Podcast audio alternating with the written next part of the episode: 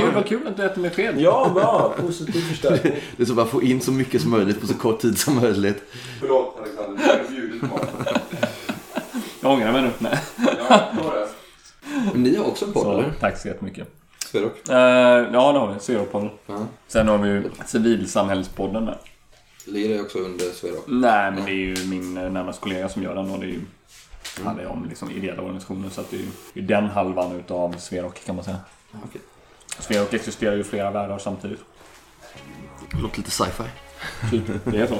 Eller lite fantasy. det är så här, ja, eh, Plane of eh, Civil Society och Plane of uh, rollspel. I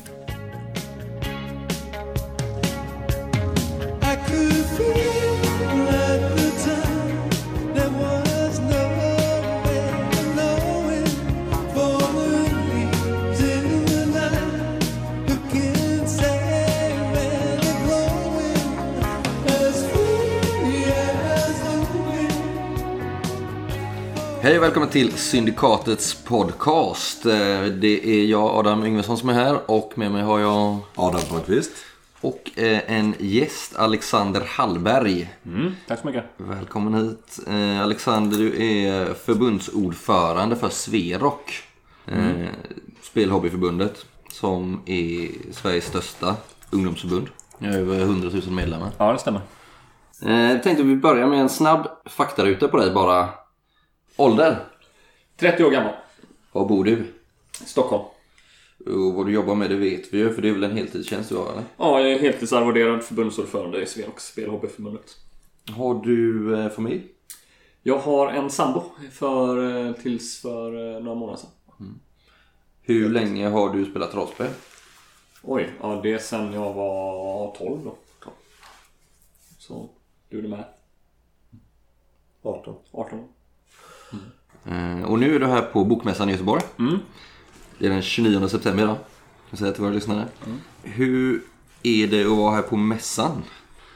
Men sen är en ganska fantastisk plats för att vi från Sverok kommer åt eh, ganska många människor som är viktiga för liksom, rollspel och för spelhobbyn men som vi kanske inte vanligtvis kommer åt eller caterar till. Och då tänker jag främst på lärare och liksom, bibliotekarier. Men också ut i övriga media. Eh, och det känns viktigt att vi liksom kan vara på plats där. Det är den ena delen. Den andra delen är att komma i kontakt med Nu står vi under liksom ett paraply som kallas för fantastikgränd eller fantastikens gränd. Och då står vi helt Då har vi samlat alla liksom fantasyförfattare SF-bokhandeln, rollspelsförfattare och oss själva i liksom en och samma eh, liksom montergränd då helt enkelt. Så att vi är på samma och då kan vi prata med varandra på sätt som vi inte kunde tidigare. För förut var vi också väldigt splittrade över mässan. Så det är jätte, jätte, jättebra. Eh, Så det är andra året vi är på mässan nu efter att vi gjorde liksom ett stort uppehåll. Vi var på mässan hela tiden tidigare men sen gjorde vi ett långt uppehåll. Och nu är vi tillbaka då. Det känns väldigt kul. Det är en egen nördhörna där inne. Jag tycker nästan det är den mysigaste delen. Såklart jag tycker. Som nörd. Så tycker man ju. Jo men så är det. För all your nerd needs. Det finns några små liksom, eh, utbrytare som är på andra ställen också men de har bara inte hittat, hittat innan.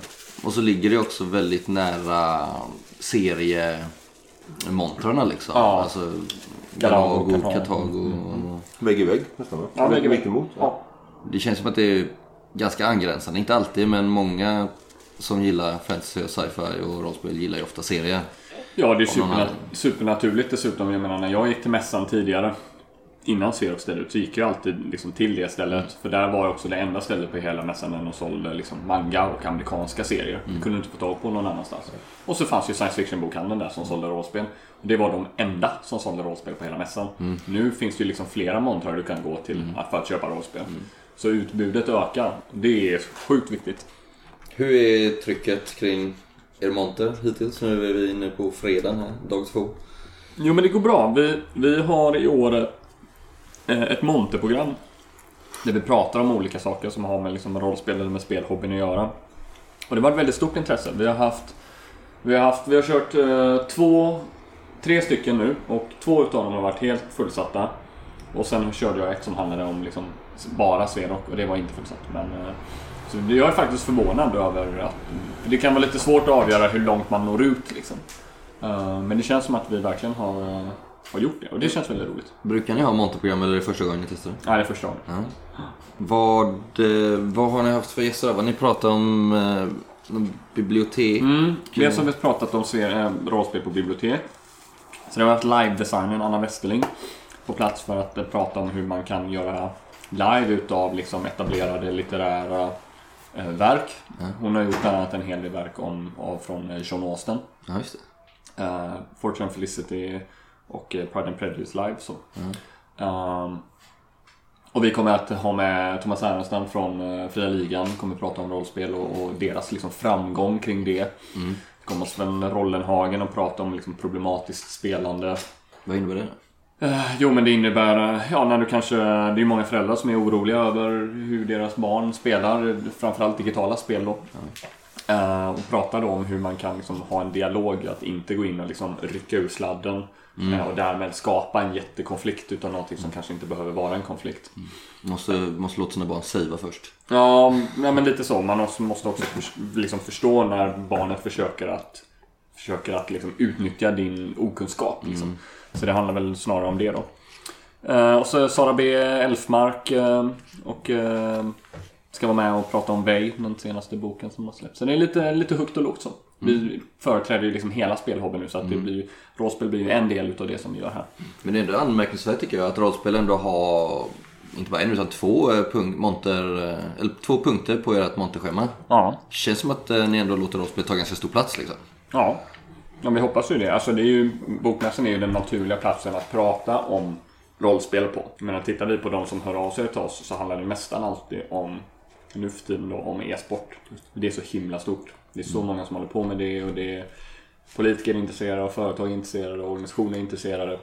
Så blir det ganska naturligt att man måste liksom prata om det själva också. Men här behöver vi inte det. Eller vi skulle kunna prata om e-sport här, men vi väljer att inte göra det. För här kan vi prata om rollspel istället. För här finns författare liksom, och här finns litteraturkritiker och här finns eh, pedagoger och olika. Så då blir det naturligt att vi pratar om rollspel här. Det tycker jag är väldigt intressant hur man väljer att utnyttja rummet eller vad ska man säga forumet som man är på liksom. Känner ni det att ni just när det kommer till olika typer av hobbys som ligger inom er verksamhet att ni jobbar för dem specifikt liksom för att kanske höja dem eller är ni mer trendkänsliga att ni följer vad era medlemmar är intresserade av? Jag skulle väl säga att det är både och. Att vi, vi är dels trendkänsliga. För att vi måste liksom visa, vi måste hänga med och vi måste kunna vara relevanta och aktuella och svara på det som kommer. Samtidigt så försöker vi också jobba så mycket gränsöverskridande som möjligt. Alltså den största... Sverok ska inte skriva rollspel. Det ska liksom rollspelsförfattare göra. Eh, vi ska inte arrangera e-sportsturneringar. Det ska våra föreningar göra. Liksom, vi arrangerar inte Gothcon. Så. Eh, därmed så ska vi försöka hitta hur kan vi liksom hjälpa arrangörer som arrangerar både LAN och spelkonvent som Gothcon och cosplayfestivaler. Vad har de gemensamt? De frågorna försöker vi jobba med. Så därför har vi jobbat väldigt mycket de senaste åren skulle jag vilja säga med jämställdhet och likabehandling i, eh, inom spelhobbyn i stort. Föreningskunskap och föreningsutveckling för att ha liksom starka demokratiska föreningar. Näthat och, och liksom trakasserier på nätet. Så det är sådana typer utav liksom gränsöverskridande grejer som vi har jobbat mest med. Vad är det för projekt ni har? Jag har sett eh, att ni har en hel del, alltså rent eh, praktiskt så att säga. Hur ser det ut? Vi försöker ju vara så praktiska som möjligt då. Vi har precis avslutat ett stort e-sportsprojekt som heter Respect All Compete. Där vi arrangerade e-sportsläger. Eh, Och där vi också då tog fram en del material som guider till föräldrar hur man kunde tala med sina barn om e-sport och en uppförandekod då som en slags gemensam värdegrund för e-sporten.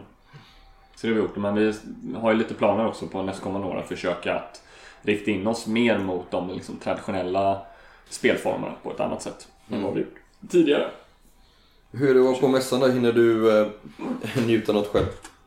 Och de andra programpunkterna? Jag kom ju hit igår eh, eftermiddag, så än har jag inte hunnit njuta. Jag har mest liksom sprungit. Men jag brukar alltid ta liksom, det brukar alltid komma ett, ett sjok med typ tre timmars ledighet och då går jag upp och ner längs med alla liksom, genom hela mässan. Så det, det ser jag fram emot. Jag ska vara här ända tills på söndag. Liksom, så. Det är ju lite speciellt med mässan i år för det har varit lite kontroverser och sådär. Mm. Hur har ni hanterat det inom eh, Sverok liksom? Hur, vad har ni, hur har samtalen gått? Tänker på Nya Tider och eh, avhoppen som många författare har gjort. Ja, det har liksom gått egentligen på, på två sätt. Alltså för det första så, ehm, så är bokmässan väldigt viktig för oss. Eh, så det skulle liksom vara en, en stor liksom förlust för Sverok av att, av att inte vara med. Eh, för det andra så tycker jag att det är en, liksom en förlust för demokratin av att vi skulle inte vara där på grund utav att Nya Tider är där. Jag menar, det är klart att den här protesten är inte en protest mot dem, det är en protest mot mässan. Och att de ens låter dem att vara där. Eh, Men för Sveroks del så, så känner vi väl att det är en, eh, ett politiskt ställningstagande som vi inte riktigt har mandat att ta från våra egna medlemmar. För att på ett sätt så är Sverok en politisk obunden organisation. Men vi är långt ifrån opolitiska. Eh, För att vi tycker ju att det vore liksom rent utav tjänstefel att inte försöka vara med och påverka politiken som, som påverkar våra medlemmar. Men i det här fallet så är det liksom någonting som ett politiskt beslut som egentligen inte har med våra medlemmar att göra så mycket. Eh, och därmed så skulle vi liksom svika dem genom att inte vara med. Det är väl så som, som, som diskussionen har gått. Jag menar, vi var ju på, i Almedalen och då var nazisterna där liksom. Eh, det var ju en större diskussion. Helt plötsligt så blir fria tider ganska mycket utav liksom, de blir ganska irrelevanta Ja. på ett sätt. Uh, i, ur våran synpunkt. Men jag får känslan av att eh, ha, alltså det här politiska, kanske rent av samhällsförbättrande ansvarstagandet. Har det alltid funnits inom Sverok? För det känns som att det är mer, mycket mer framträdande nu än vad det kanske var på 90-talet. Liksom. Men då slogs Sverok liksom för sin egen... För, för då var vi liksom underdogs på ett sätt som vi inte är nu. Vi var inte störst, vi var liksom ganska hårt ansatta. Kristdemokraterna motionerade om i riksdagen om att vi skulle få indraget statsbidrag. Man påstod att man blev satanist om man spelar rollspel. Alltså det var en helt annan typ då. Så då var man väldigt mycket... En annan debatt kan man säga. Ja. Ja, lite så. så man var helt annat... eh, så där, därmed så var man mer liksom i försvarsställning och försökte att liksom jobba inåt. Men nu kan vi vara mycket mer liksom offentliga och mycket mer offensiva i våra värderingar också. Ja precis, ni har ju ett mandat Ja. nu på det viset liksom på, på fältet. Och det är ju någonting som jag under mitt ledarskap också har varit väldigt tydlig med. Att det är vår liksom eh, det är inte bara liksom vår rättighet utan det är vår skyldighet att utnyttja det mandatet som vi har genom att ha så många medlemmar. Vi talar inte bara för spelhobbyn utan vi talar också för liksom 100 000 svenska ungdomar.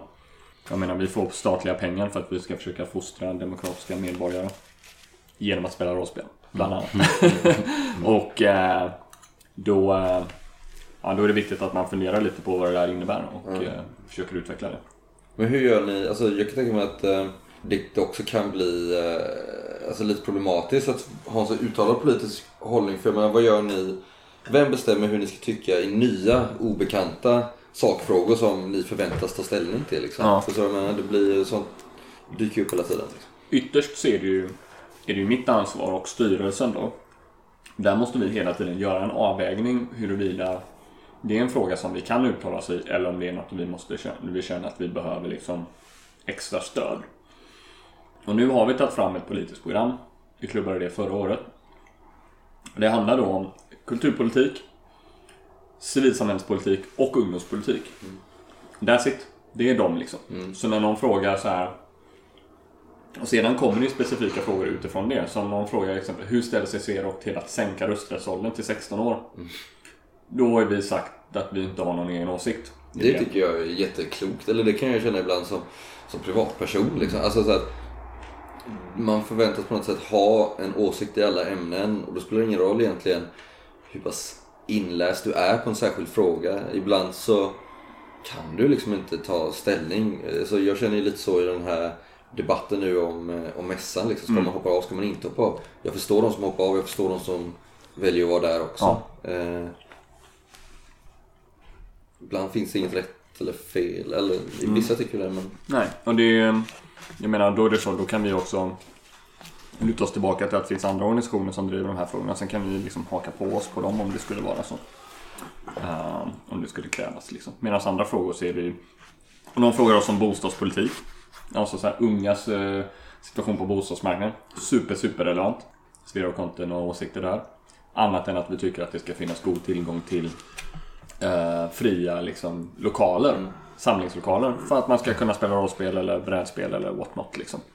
Eh, så det är det liksom, helt plötsligt har vi en bostadspolitisk fråga. Men den är genom vårat filter. Jag menar en ganska rolig grej är att, och som få känner till är att vi sitter ju med i det nationella skogsrådsprogrammet. eh, Som är ansvariga för att ta fram en ny skogspolitik för Sverige. Då kan man fråga sig, vad i helvete är det en massa rollspelare som sitter med och ska ta fram en ny nationell skogspolitik för? Lajvan är ju i skogen. Lajvarna är i skogen.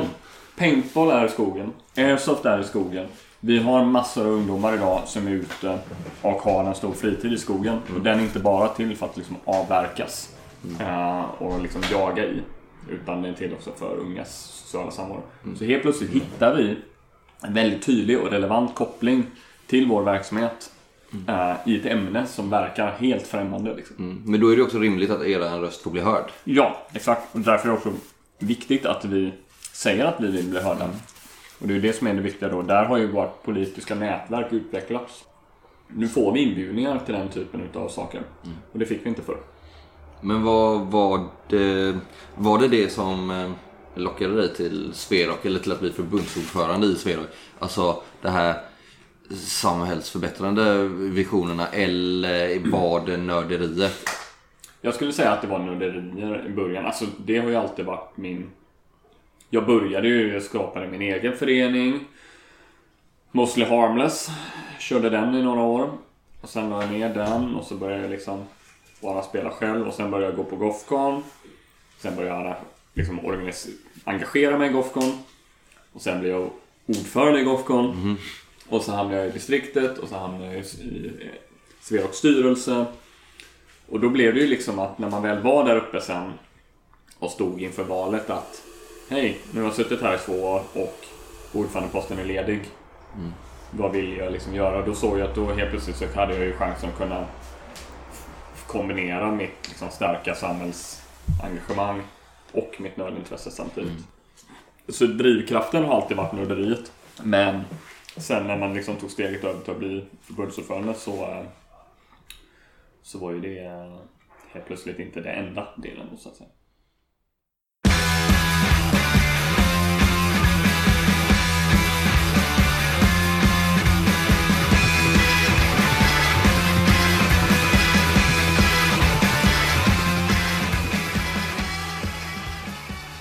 Eh, nu ska ni ju ha eh, riksmöte snart. Mm.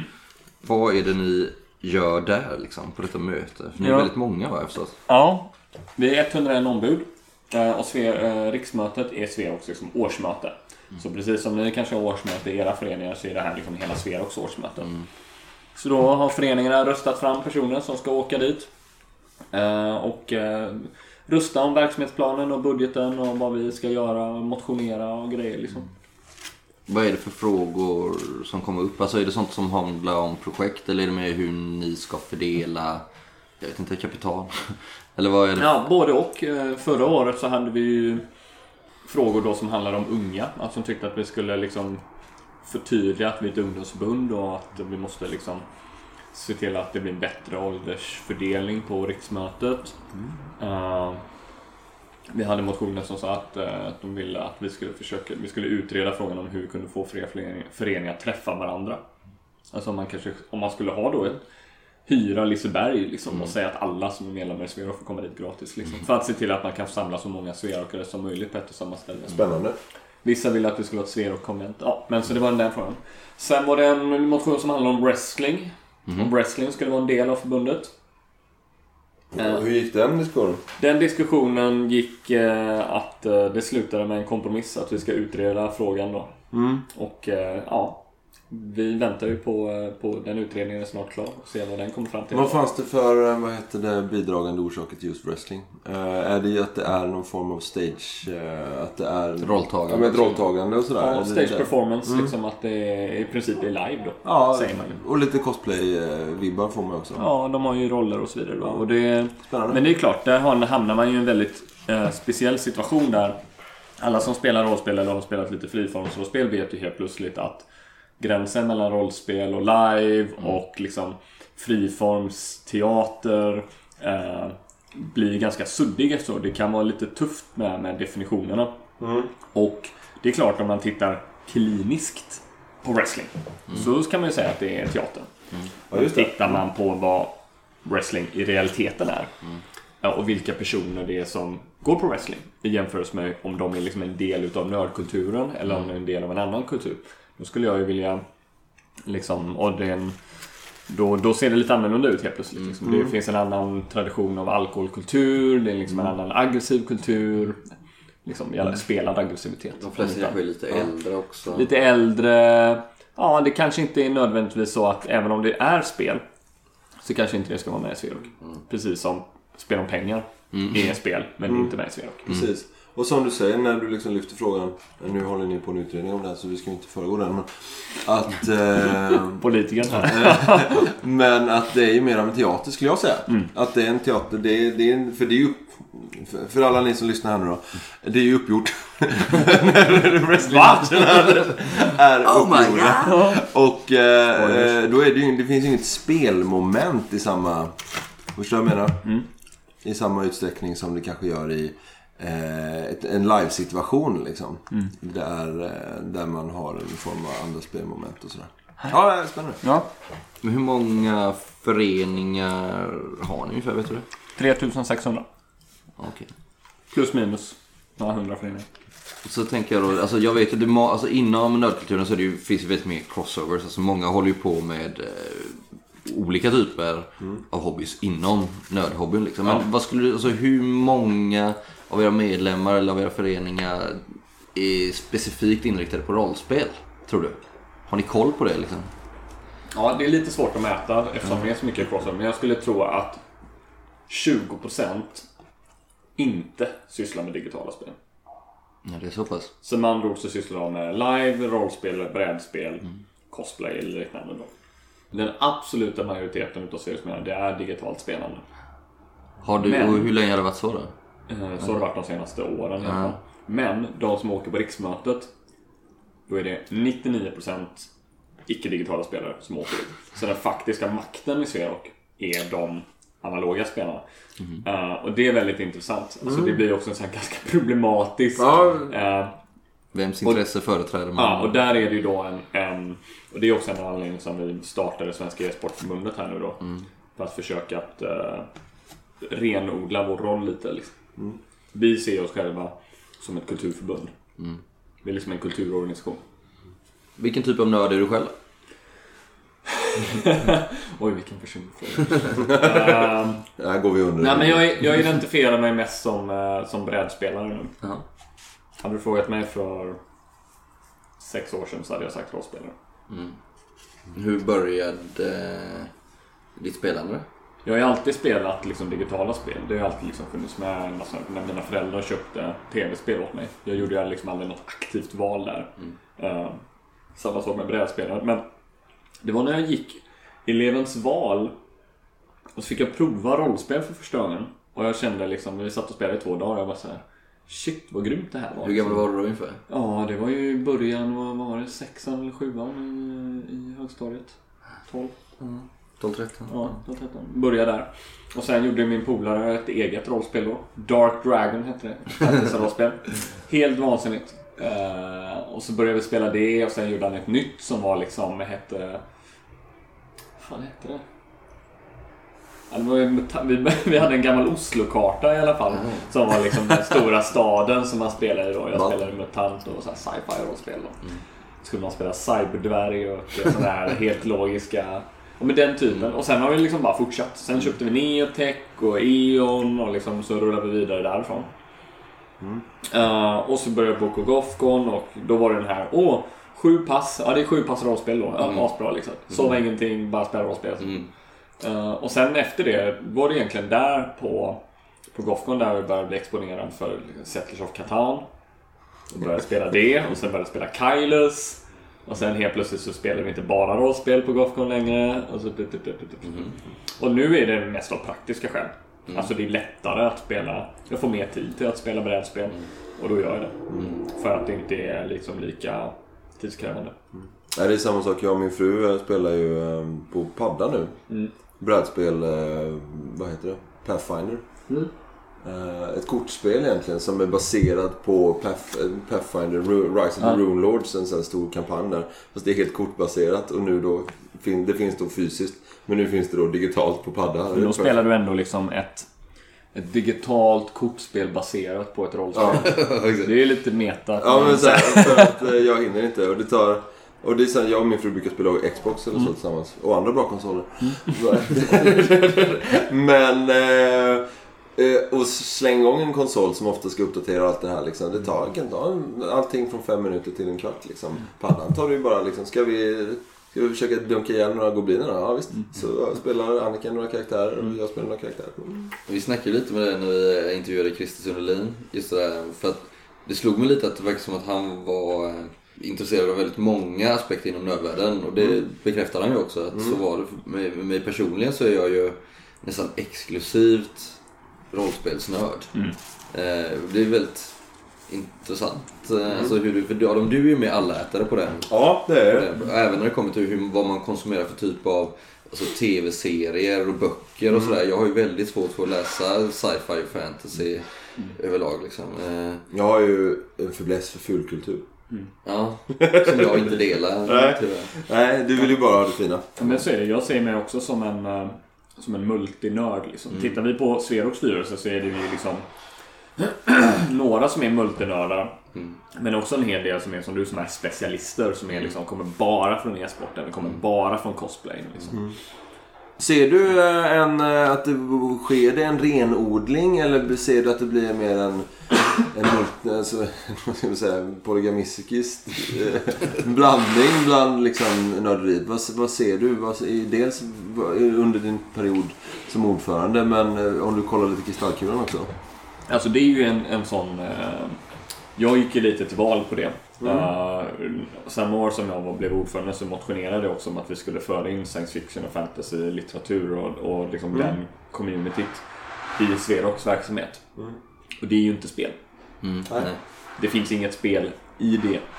Och då är vi liksom så här, jaha, varför? Jo, för att som jag ser det här, när man tittar, när jag tittar på hur ungdomar, eller överhuvudtaget de som är intresserade av populärkultur, eh, brukar sin kultur, så vandrar man oftast. Man blir multinörd med åren. Just det. Alltså, eh, att vara bara rollspel skulle jag säga är liksom undantaget snarare än regeln. Och därmed så ville jag göra om spel, eh, Sverok, liksom från ett rollspelsförbund till ett liksom nördhobbyförbund. För att alla de som går på, på cosplay-konvent och bara håller på med liksom japansk populärkultur, de spelar nästan alltid Carcassonne och Ticket Ride också. Och de spelar tv-spel och de börjar spela rollspel. Då kanske de börjar med att spela det här Big Eyes Small Mouth eh, Japan-rollspelet. Men sen så spelar de liksom Cyberpunk. Och sen så är de liksom körda för life. Sen är de där. Eh, så på så sätt så, så vill ju vi att Sverok ska vara, liksom, kunna tala för hela fulkulturen eller populärkulturen då, som, som jag säger. Liksom. Eh, men då fortfarande hålla kvar den nördiga, den nördiga aspekten. Så där blir det ju lite knepigt så här. Är vampyrer och zombies, är det Sverok? Ja, men jag skulle ändå säga att det är Sverok. Det är ganska mycket Sverok. Är det är liksom Unesco deckare och Midsommar Murder Sverok? Nej, det är inte Sverok. Men det är också påhittade historier. Ja, men de skulle kunna hända i verkligheten. Men zombies kan inte hända i verkligheten. Eller, du vet. eller, jag säger inte att vi inte har liksom några väskor packade bara redo att dra. men, eh, så, så att på så sätt så, så Plus att utifrån så blir det dessutom lite lättare att eh, poängtera det. För de som inte vet bättre, de säger ju bara, de bara, ja det är sånt där jävla rollspel, bara säger de till liksom risk. Säger de till. Så det så bara, nej, sluta, gå härifrån, jag vill inte prata med dig. Då kan man liksom bara säga, ja det är sådana nördgrejer liksom. Uh, uh, uh. Och sen börjar man samtalet utifrån det. Och så, så går man ner och benar ut det liksom. Men det är ju så intressant det där. Det här skulle vi kunna göra till ett poddavsnitt bara om det här, men det har vi inte tid med. Att just det här nördbegreppet, det är ju så förhandlingsbart. Alltså det som var nörderi för, för tio år sedan behöver ju absolut inte vara det idag. Och vice versa. Eh, nörd, och det är ju så också, bara begreppet nörd var ju också oerhört mycket mer laddat för tio år sedan. Negativt laddat. Negativt laddat. Nu är det ju så här. Det finns ju folk som eh, uttrycker sig i stolthet med nörd eftersom eh, folk blir anställda för att de är nördar för att de har en möjlighet eller de har ett sätt att kunna sätta sig in i saker på Ja. ett helt annat sätt än folk som inte har den här. Det är en spetskompetens. Ja men lite så. Ja. Sätta nörd på CVt som de brukar säga. ja. Ja, men Precis. så, att- så det finns en medvetenhet i det liksom. Ehm, så. Börjar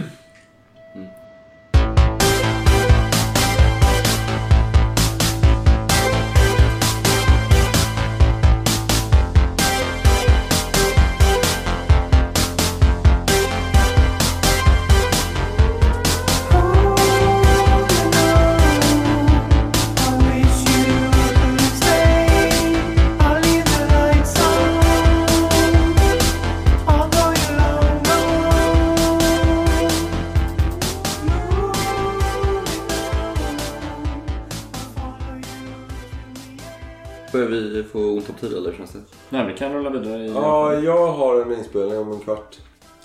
20 minuter har jag till på mig. Ja. Sen måste jag då. Nej men vi kan ju säga att alltså, nu upplever ju rollspelshobbyn en boom. Ja. Eh, som vi inte har sett på många, många år liksom. Nej, verkligen. Eh, och då antar jag att rollspelet också blir mer centralt i Sverox verksamhet. Eh, men det fanns ju en tid när rollspel var inte alls lika hett liksom. Man pratar ju om rollspelsdöden, gjorde man ju. Även om inte ni kanske sa det Nej. rakt ut. Nej, men jag skulle säga ja och nej. För det som gör att vi upplever rollspelsboomen nu är ju dels såklart Kickstarter. Men Kickstarter har funnits i många år. Eh, och rollspelsboomen kom inte direkt. Utan det är framförallt att vi som spelade rollspel på 80-talet och var barn då och brann för detta. Vi är nu vuxna. Vi har barn som gör att vi inte måste ta hand om exakt hela tiden. Vi har lite tid över. Vi har jobb. Så vi kan spendera tusen spänn på en nyupplaga deluxe utav Drakar och Demoner. Och vi har en känsla för nostalgi. Så därför tror jag det, det styr. Och tricket här är den här rollspelsboomen, sker den också hos ungdomar? Köper 15, 16, 17 och 18-åringar samma rollspel som vi köper? Och det tror jag inte är lika klart. Nej. Och där är, om vi vill uppnå samma långvariga rollspelsboom som vi gjorde på 8 då är det de vi måste åt. Framtidens rollspel. För vi är ju redan insålda. Vi är ju de där som, eh, liksom, precis som vinylskivor säljs idag. Just det. Det är, så här, det är helt vansinnigt. Jo men det är för att det finns en nostalgi där. Det blir på riktigt. Och liksom, Fan, det är ordentligt. Liksom. Jag har inte köpt... Jag har köpt ett rollspel på pdf. Och jag har liksom skummat det lite. Men jag har läst varenda jävla rollspelsbok jag någonsin har köpt. Och jag köpte en senast förra veckan. Så att det, det är liksom... För mig så, så ser det väldigt tydligt att rollspelens stora styrka är liksom det analoga. Att kunna ha någonting där. Fysiska utgåvor och sådär. Ja, nej, men jag tror det är stenhårt alltså. Men vad gör eh, Sverok då för att det liksom inte bara boomen, eh, den kommer ju som alla boomar kommer med den planen ut också. Men vad gör ni för att det ska komma in mer ungdomar till rollspel? Ja, vi jobbar ju med... Dels så har vi ju Fantastikens månad då, där vi går ut på bibliotek. Och biblioteken har nästan alltid då, dels fantasy och science fiction-böcker, men också rollspel. Och liksom pratar med dem och försöker engagera människor där att, att ordna rollspelsträffar liksom, så att så folk lär sig att spela. Eh, För det är också en bra början. Man bör, nästan alla som kommer in i rollspel på något sätt gör det genom att de känner någon som är redan inne, som visar dem. Det är väldigt, väldigt få som bara går in och så här spontant köper ett rollspel och aldrig har spelat tidigare. Utan nästan alla har fått prova av en äldre bror eller syster eller kusin eller kompis eller what not. Så. Och det, så därmed så, så tror vi på Mechanic att ju fler som vi bara får att prova på det desto bättre kommer det gå. Sedan gör vi också då uh, spellovet som är på höstlovet och då har vi fyllt en låda full med eh, rollspel och brädspel och alla möjliga prylar som vi skickar ut till föreningar som i utbyte mot att de åtar sig att anordna, anordna öppna aktiviteter. Alltså på bibliotek eller om de har en lokal, öppna upp den för allmänheten. Så det blir liksom som en slags Jag tycker vi kan vara lite tydligare och säga att ja, det här är till för att rekrytera medlemmar. För att när vi rekryterar medlemmar då blir det fler folk som spelar. Men vi har inte haft en så tydlig sån retorik. Eh, vilket jag kan tycka är synd, men så är det. Eh, och där har vi bland annat, där är ju två rollspel med där liksom. Det är Noir och det är eh, Hjältarnas tid. Mm. Av Christer Sundelin. Precis, och Christer Sundin. Och den första är av Regnskugga. Just det. Och Marco Bergman och eh, Peter Nallo och dem. Yes.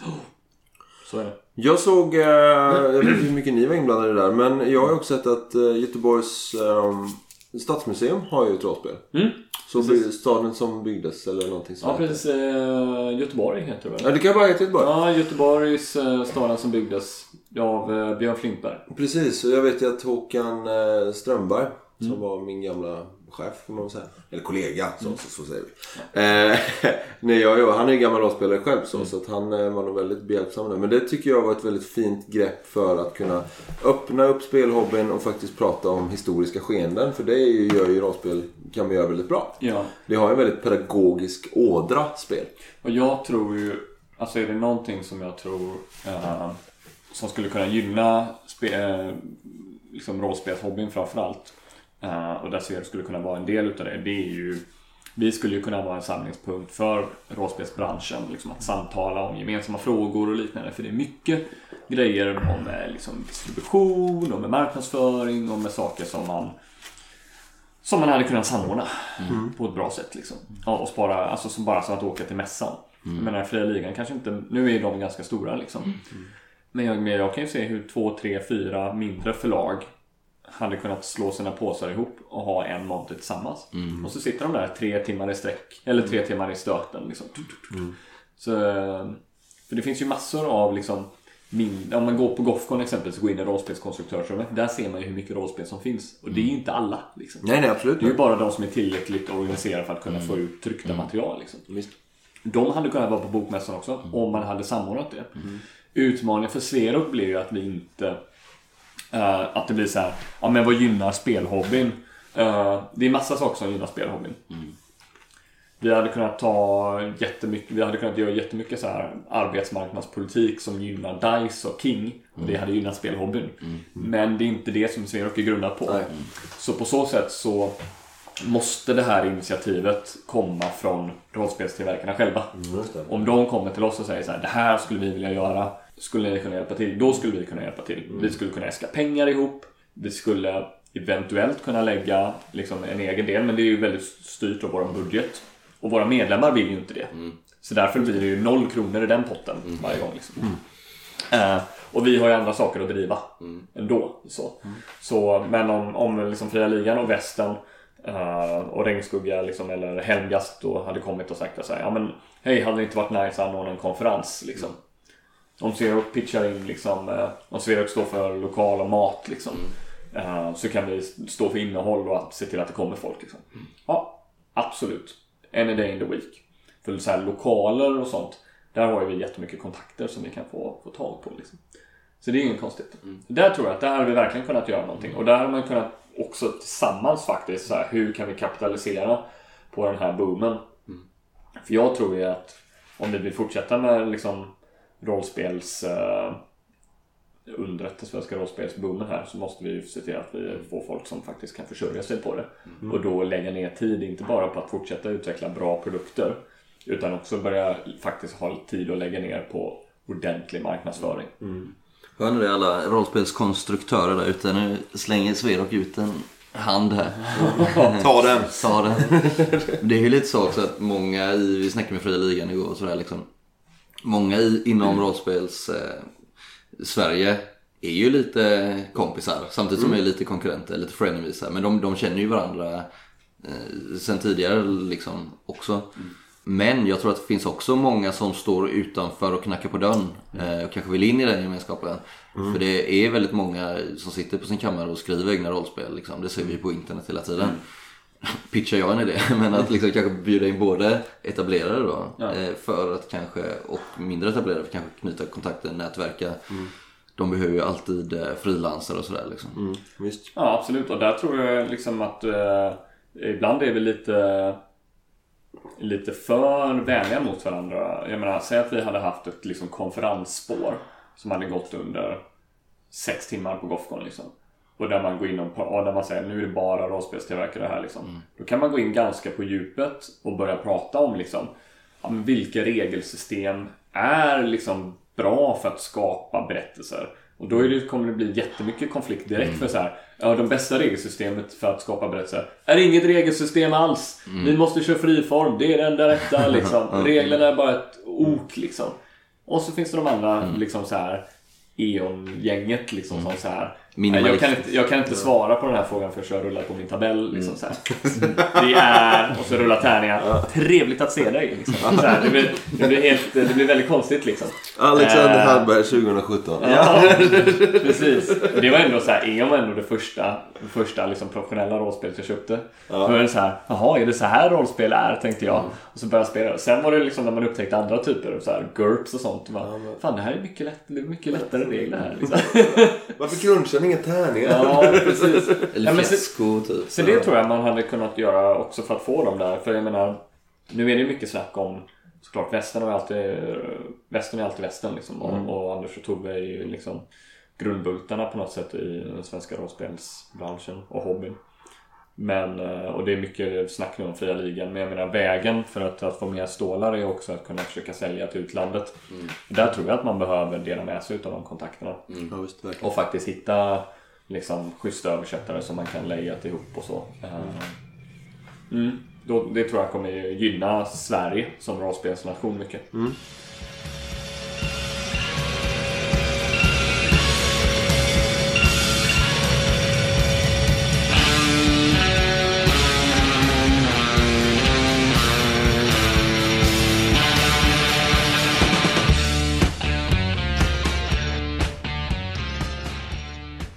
Vad gillar du själv att spela när du spelar rollspel? Eh, hinner du spela rollspel nu för tiden? Eh, inte så mycket som jag skulle vilja. Jag spelar eh, några gånger per år. Kan man säga. Så, men inga, inga liksom långa kampanjer utan det är bara scenariomässigt. Då. Nu senast så spelade jag ju Varselklotet. Då. Mm. Eh, det var jävligt grymt. Jag älskade ju Stranger Things-serien liksom, så det var ju givet. Och nu köpte jag ju Seven Sea då. Och jag har varit sugen på Seven Sea i många, många år. Eh, Så nu när det kommer second edition så köpte jag det. Och jag är jävligt peppad. Jävligt peppad alltså. Så att eh, nu ska jag nog i SL eller något och sätta upp en grupp med folk. Är det, tycker du det är roligare att SL eller? Nej, verkligen inte. SL är det tråkigaste. Men eh, man, får ju, man, man får ju göra det liksom för att om, man, om jag vill spela så får jag ju liksom Exakt, får du välja ditt spel. Ja, det är svårt att få någon annan så här, snälla spelled mig. det är så här liksom, eh, Ja. ja. Nej, det är ju spännande. Thomas eh, erkände ju igår att han var ju en spelledare.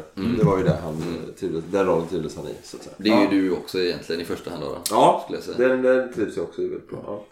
Ja, nej, jag, jag gillar mer att spela liksom. Kunna liksom sväva ut och, och spela liksom lite flamboyanta karaktärer. Och så. Det får man ju som spelledare hela tiden. Precis, får ju växla. exakt. Och allt annat då. Ja. Ja. Är det några särskilda genrer du gillar att spela? Eller settings? Ja, alltså jag får ju för, jag, jag får för mig att jag gillar att spela science fiction men jag har ju mest spelat eh, liksom eh, eh, antingen fantasy eller Alltså, egentligen så är nog urban fantasy det som jag gillar mest. Det tror jag är det som Varför är... då? Nej men för att det är, dels är det så nära verkligheten. Eh, Det finns mycket man kan reflektera, man kan koppla det till liksom relevanta ämnen idag. Men samtidigt så finns det också liksom magi och, och monster och liksom. Så jag tror att mitt favoritrollspel of all times det är ju liksom Delta Green. Okej. eh, supplementen till Call of Cthulhu. Det är jävligt mycket. Sjukt bra. Så det, det har jag spelat mycket och det, jag tror att det är nog fortfarande... Om jag bara skulle, skulle jag välja en rollspelsbok som jag sparar så är det nog den. Liksom. Men Jag är lite så också. Jag är mer och mer på, alltså, gått ifrån fantastik till att bli mer och mer alltså, nutida. Så vill man fortfarande ha kvar mysteriet liksom. Eh, Vad är det som döljer sig i skuggan och sådär. Ja men så. Eh, Man vill inte ha Nesbo alla gånger. Nej. Nej. Nej. Jag är lite perioder så här. Det är skönt att kunna så här. Åh gud vad skönt att bara kunna ha lite grått hack liksom. Tycker jag. Någon målar upp en liten karta som går man så här, "Ja, jag, jag går åt vänster. Ser vad som är där inne och, och så spelar man utifrån det. vad har du för spelgrupp? Jag har ingen spelgrupp nu. Men du jobbar på Sver också. Det känns ju som att ni ganska fort kan väl, kan väl ni, kan styrelsen gå samman och rulla ett par tärningar? I teorin ja. Men inte i praktiken. Men när vi väl träffas så har vi ju för fan ett förbund att sköta. Är det så att alla kommer med varsitt spel då också? Och alla vill vara spelledare? Nej. Ja. Om vi ska börja avrunda då. Eh, Alexander, vad ligger i pipelinen nu? Förutom, alltså för, för Sverok och för dig? För Sverok så är det ju ja, eh, spellovet och Fantasikas månad i november nu då, höstlovet. Sen är det riksmöte. Och det har börjat komma in lite liksom, motioner och sånt. Kommer snart. För på riksmötet, eh, det är då man bestämmer vem som blir förbundsordförande också? Precis, och jag avgår ju nu då. Eh, Då har jag suttit, eh, det är mitt tredje år i Sverok. Eh, Och det har ju varit någon slags liksom eh, praxis. Att det är ungefär så länge man sitter. Ja, ni byter av så. Mm, precis. Så man sitter ett år, man blir omvald varje år. Mm, okej. Eh, Jag skulle kunna sitta längre men praxisen har varit i tre år. Eh, Och sen vet jag inte vad jag ska hitta på men eh, sannolikt så blir det ju någonting inom ideell sektor eller liksom idé- idédriven verksamhet då. För det Alltså den samhällsnyttan som jag känner att jag har kunnat vara med och åstadkomma i Sverok. eh, Jag kommer liksom inte vilja jobba utan den. igen. Mm. Men har du, har du, är du överhuvudtaget eh, sugen på att skriva rollspel själv? Åh nej. Det finns inte på Nej, alltså det, jag, jag, jag, är, jag är för lat helt enkelt. Nej men var det någonting, jag gick en eh, utbildning back in the days som, för jag hade någon slags drömmar om att bli brädspelsdesigner. Ja. Och sen när jag upptäckte vad det krävs för att designa brädspel då kände jag bara nej. Så jag spelar gärna, jag pratar jättegärna om rollspel och liksom läser på om rollspel. Och då är jag mer intresserad av liksom, om man nu skulle prata om liksom forskning så skulle jag nog exempelvis vara mer intresserad av att forska liksom, om rollspel och påverkan på samhället och liksom ur någon slags eh, sociologperspektiv än att så här, gå ner och grotta ner mig i regler. Liksom. Jag är inte en regelnörd. Eh, Jag- jag är mer en så här rules as intended kind of guy. Snarare än rules as written. Jag tycker också väldigt intressant, så jag har studerat mycket litteraturvetenskap. Var går gränsen mellan litteratur och spel? Eh, Det finns ju interaktiva romaner, alltså interaktiva diktsamlingar och sådär liksom. Men det, det, är, ett, an- det är en annan podcast. Så vi får se, men är det någon som vill erbjuda mig ett jobb så hör av er. Ja, Alexander Hallberg, up for grabs. Finns på LinkedIn. Ja. Ja, tack. Bra. Eh, Och eh, med de orden så får Syndikatet tacka för sig eh, för den här gången. Vi tackar Alexander Hallberg för att du ville komma hit och snacka lite rollspel och lite sver och eh, Jättehärligt. Tack så mycket. Tack, tack. Tack Alexander. Bye bye. Game over.